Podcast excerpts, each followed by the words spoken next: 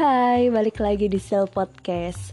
Oke, di episode kali ini aku pengen membahas suatu hal yang ada kaitannya dengan cuap-cuap suara. Pernah nggak sih di antara kalian ada yang tiba-tiba diminta untuk menjadi MC atau pembawa acara? Padahal kalian belum pernah menjadi MC dan nggak tahu gimana caranya membawakan suatu acara.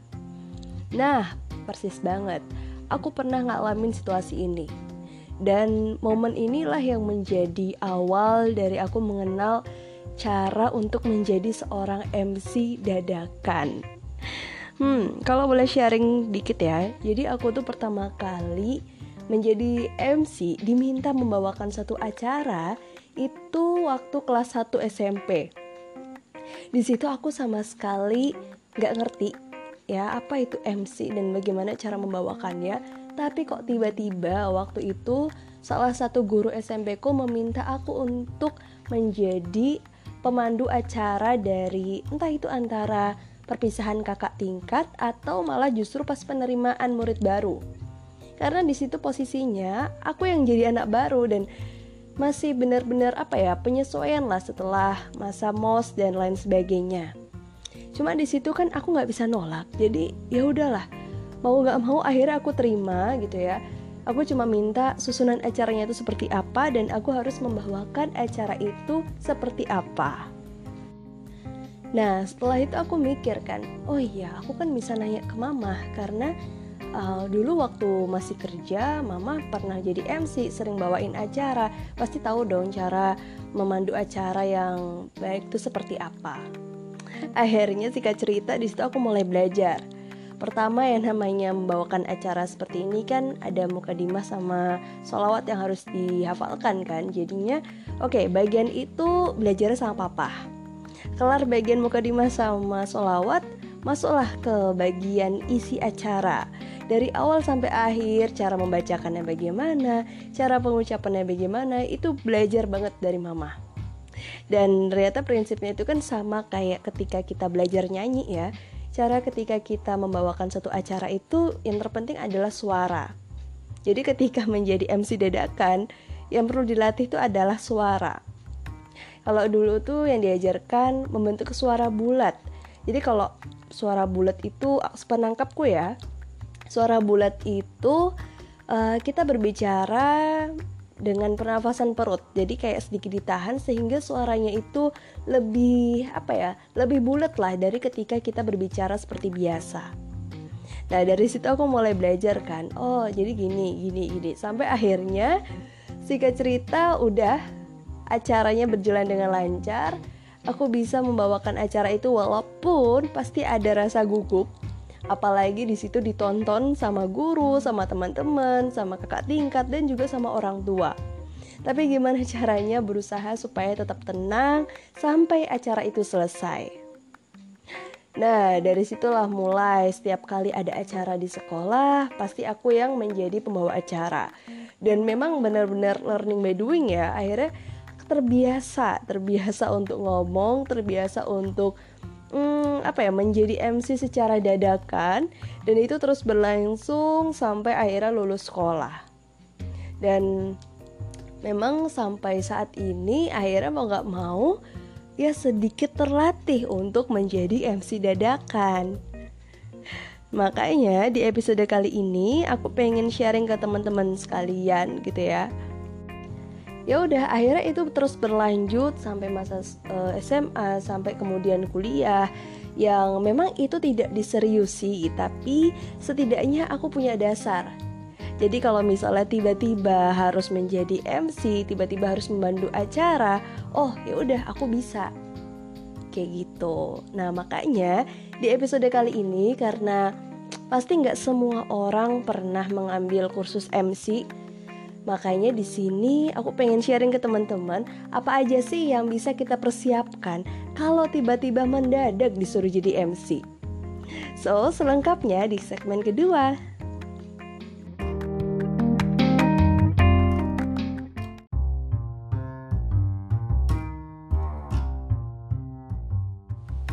Oke, jadi tips pertama ketika kalian diminta untuk menjadi MC dadakan, yang harus dipersiapkan adalah mental kalian. Nah, ini penting banget karena ketika kalian diminta menjadi seorang MC, itu artinya mereka percaya kalau kamu bisa memandu acara itu dengan baik. Walaupun mungkin kamu belum berpengalaman dengan hal itu. Mungkin mereka pernah melihat kamu uh, mempresentasikan tugas dengan baik atau mungkin kamu termasuk orang yang tutur katanya itu sangat tepat lah ketika berbicara di depan umum. Makanya mereka percaya kalau kamu bisa menjadi seorang MC. Tapi mungkin ada lagi sih yang situasinya karena gak ada yang mau, gak ada yang bisa, akhirnya mau gak mau kamu yang diminta menjadi MC. Tapi gak apa-apa, kalian nggak perlu apa ya nggak perlu ragu nggak perlu merasa khawatir yang seperti apa. Karena kalian apa ya harus yakin lah kalau kalian bisa jadi MC itu tadi yang pertama mental. Kalian harus pede. Kalau kalian udah bisa melatih kepercayaan diri kalian nanti ke belakangnya pasti lancar. Oke? Okay? mental itu yang pertama. Yang kedua ini aku pelajari banget sih waktu tahun 2000 18 itu aku ikut kelas MC. Nah, ternyata ya yang memang harus diperhatikan adalah kita harus tahu acara apa yang sedang kita pandu. Nah, jadi poin yang kedua adalah kenali acaranya. Termasuk kalian mengenali ruangannya itu di mana, ya, terus audiensnya itu siapa, dan bahasan dari acara itu tuh akan seperti apa. Nah, ini modal awal yang bisa kalian persiapkan sebelum menjadi MC. Tapi kalau misalnya acaranya itu Hamin 2 atau justru Hamin 30 menit gimana? Ya nggak apa-apa. Otomatis kan kalian udah bisa tahu tuh. Oh, uh, acaranya itu formal atau non formal sih atau justru semi formal sih?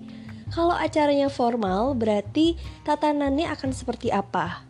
Oke, itu nanti next dibahas. Yang penting kalian bisa tahu pertama ruangannya itu seperti apa, indoor atau outdoor. Yang kedua audiensnya itu siapa? Apakah seusia kalian? Apakah usianya lebih tua atau justru anak-anak? Nah, yang ketiga itu adalah bahan. Jadi, kalau bahan ini tentu juga ada kaitannya dengan audiens. Kalau misalnya kalian berhadapan dengan teman-teman yang seumuran, bahasan apa sih yang bisa kalian angkat untuk mengisi acara itu? Atau kalau misalnya audiens kalian itu bapak-bapak atau ibu-ibu yang usianya jelas di atas kamu, kamu harus berbicara seperti apa? Nah, itu juga penting soal bahan. Jadi, ini untuk mengarahkan kamu supaya uh, penyampaiannya itu tidak krik-krik lah. Ini juga penting untuk diperhatikan. Nah, terus tuh setelah mengenali acara, yang ketiga adalah catatan. Catatan ini adalah apa yang nantinya akan kamu bawa ketika nanti kamu membawakan acara. Apalagi di sini kan kita sedang membicarakan MC dadakan. Jadi otomatis itu adalah satu hal yang wajar kalau kamu membuat sebuah catatan kecil yang itu bisa membantu kamu ketika nanti membawakan suatu acara. Dan yang biasanya ada di catatan itu cukup sederhana, tapi emang tergantung juga sih kalau kamu tipe orang yang bisa mengembangkan kalimat hanya dengan satu poin-poin kecil ya nggak masalah. Tapi emang agak PR buat kalian yang harus menggunakan satu kalimat yang panjang ketika nanti berbicara di depan umum. Tapi gak apa-apa, itu nanti bisa dilatih secara perlahan.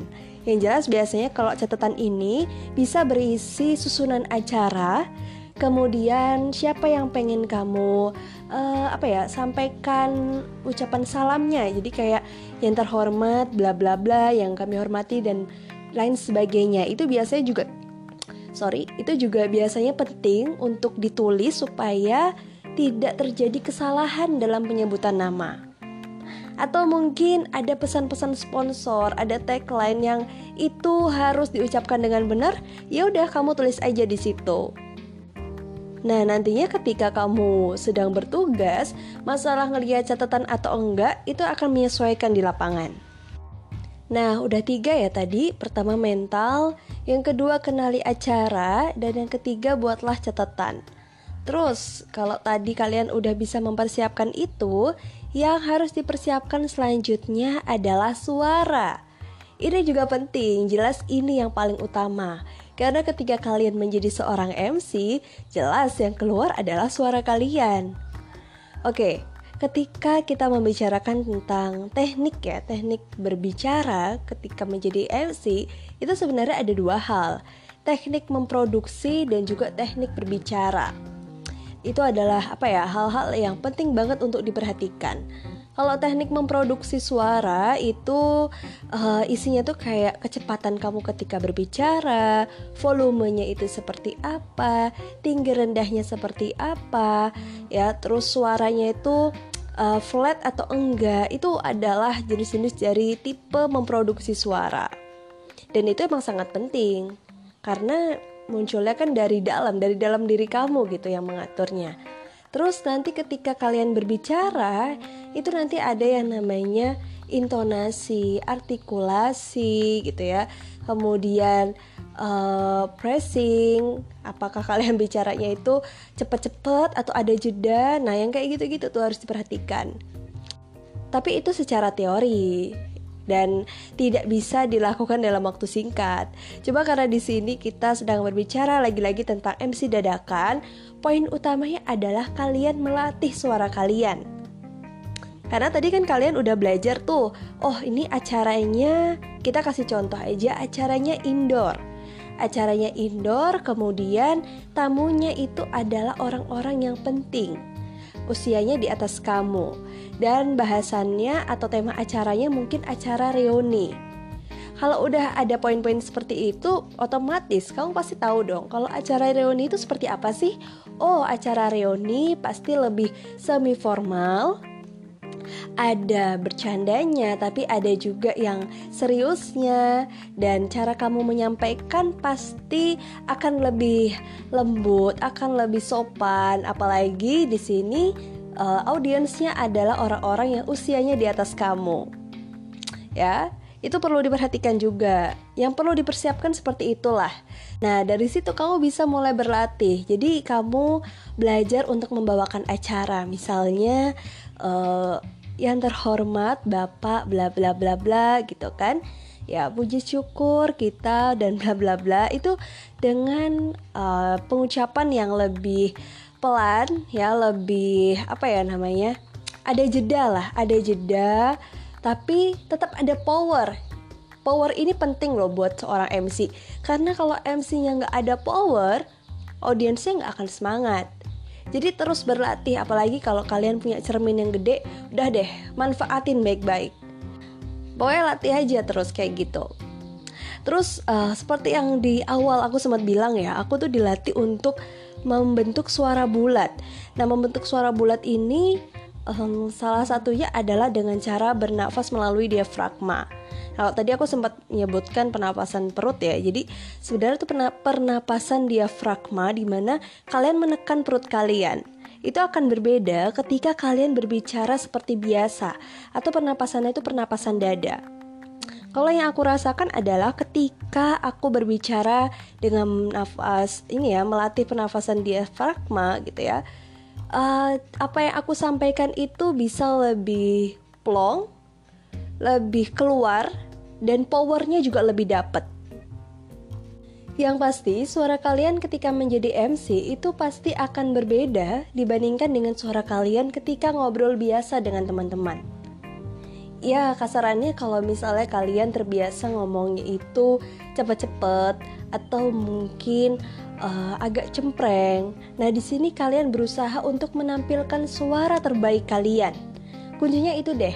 Kalian temukan suara terbaik kalian dengan cara apa pun dan itu yang nanti akan kalian gunakan ketika menjadi seorang MC. Karena tentu saja ketika kalian bisa mengeluarkan suara terbaik kalian, yang namanya audiens itu pasti juga akan semangat untuk memperhatikan kamu sebagai seorang pemandu acara. Nah itu tadi ya kurang lebih ada empat lah Mulai dari mental, kemudian mengenali acara, kemudian juga menyiapkan catatan, dan juga melatih suara. Karena di sini, walaupun kalian menjadi MC dadakan, bukan berarti kalian tidak bisa mempersiapkan dengan baik. Setidaknya kita mempersiapkan supaya kesalahannya itu masih bisa ditolerir. Dan ketika kalian nanti menjadi MC, tentu masih banyak hal lagi yang harus diperhatikan. Mulai dari mempersiapkan uh, penampilan, kemudian menjaga suara kalian, kemudian nantinya juga gimana sih cara kita berbicara tanpa harus gugup ketika harus menatap audiens. Nah, itu masih banyak PR-PR-nya. Dan yang jelas kalau menurut aku itu learning by doing. Karena kita nggak pernah tahu kan, bisa jadi pengalaman pertama kalian menjadi seorang MC itu akan meninggalkan kesan yang baik buat orang lain. Bisa jadi setelah itu kamu dapat tawaran-tawaran yang lain. Tolong dong acara ini kamu yang handle ya. Eh tolong dong bisa nggak kamu bawain acara ini? It's okay, terima aja. Siapa tahu dari situ kan kamu menjadi lebih terlatih. Dan lama kelamaan kayak uh, suara, kemudian cara kamu mempersiapkan catatan itu bisa lebih ringkes karena kamu udah tahu poin-poinnya seperti apa. Dan sudah tahu ketika kamu berbicara kamu harus mengeluarkan suara yang seperti apa. Makanya nanti ketika kamu sudah semakin paham dengan teknik membawakan acara dengan baik, kamu akan berkutat dengan yang namanya teknik produksi dan juga teknik berbicara. Paling enggak tuh kalian jadi lebih apa ya, memperhatikan lah. Oh, uh, di acara kemarin kayaknya tonku tuh terlalu rendah deh. Berarti next aku harus bisa menaikkan ton suara aku. Atau mungkin oh waktu acara kemarin kayaknya volumeku tuh kurang nendang deh. Karena mic-nya juga terlalu kecil jadinya audiensnya juga kurang bisa denger sama suaraku. Berarti next aku harus seperti ini, seperti ini dan seperti ini. Ya kurang lebih akan seperti itu walaupun kamu belajar otodidak. Tapi memang kalau misalnya nih kalian pengen concern ke dunia MC, ke dunia pembawa acara gitu ya, kalian boleh loh yang namanya ngambil kelas MC. Ya walaupun nantinya kalian bukan langsung menjadi MC profesional, tapi paling nggak kalian bisa tahu dasar-dasarnya seperti apa, dan itu juga bisa menambah ilmu pengetahuan kalian. Dan apalagi sekarang kan yang namanya kelas MC bisa secara offline bisa juga secara online. Jadi itu menyesuaikan aja dengan keinginan kalian. Seperti itu. Oh iya bicara tentang public speaking pasti akan banyak banget bahasannya. Cuma di sini aku fokus membahas tentang tips awal mempersiapkan menjadi MC dadakan dan nanti di episode selanjutnya aku bakal lebih banyak membahas ketika kamu sudah berada di acara tersebut, apa aja sih yang harus kamu lakukan? So, semoga informasi yang ini bermanfaat. Sampai jumpa di episode selanjutnya.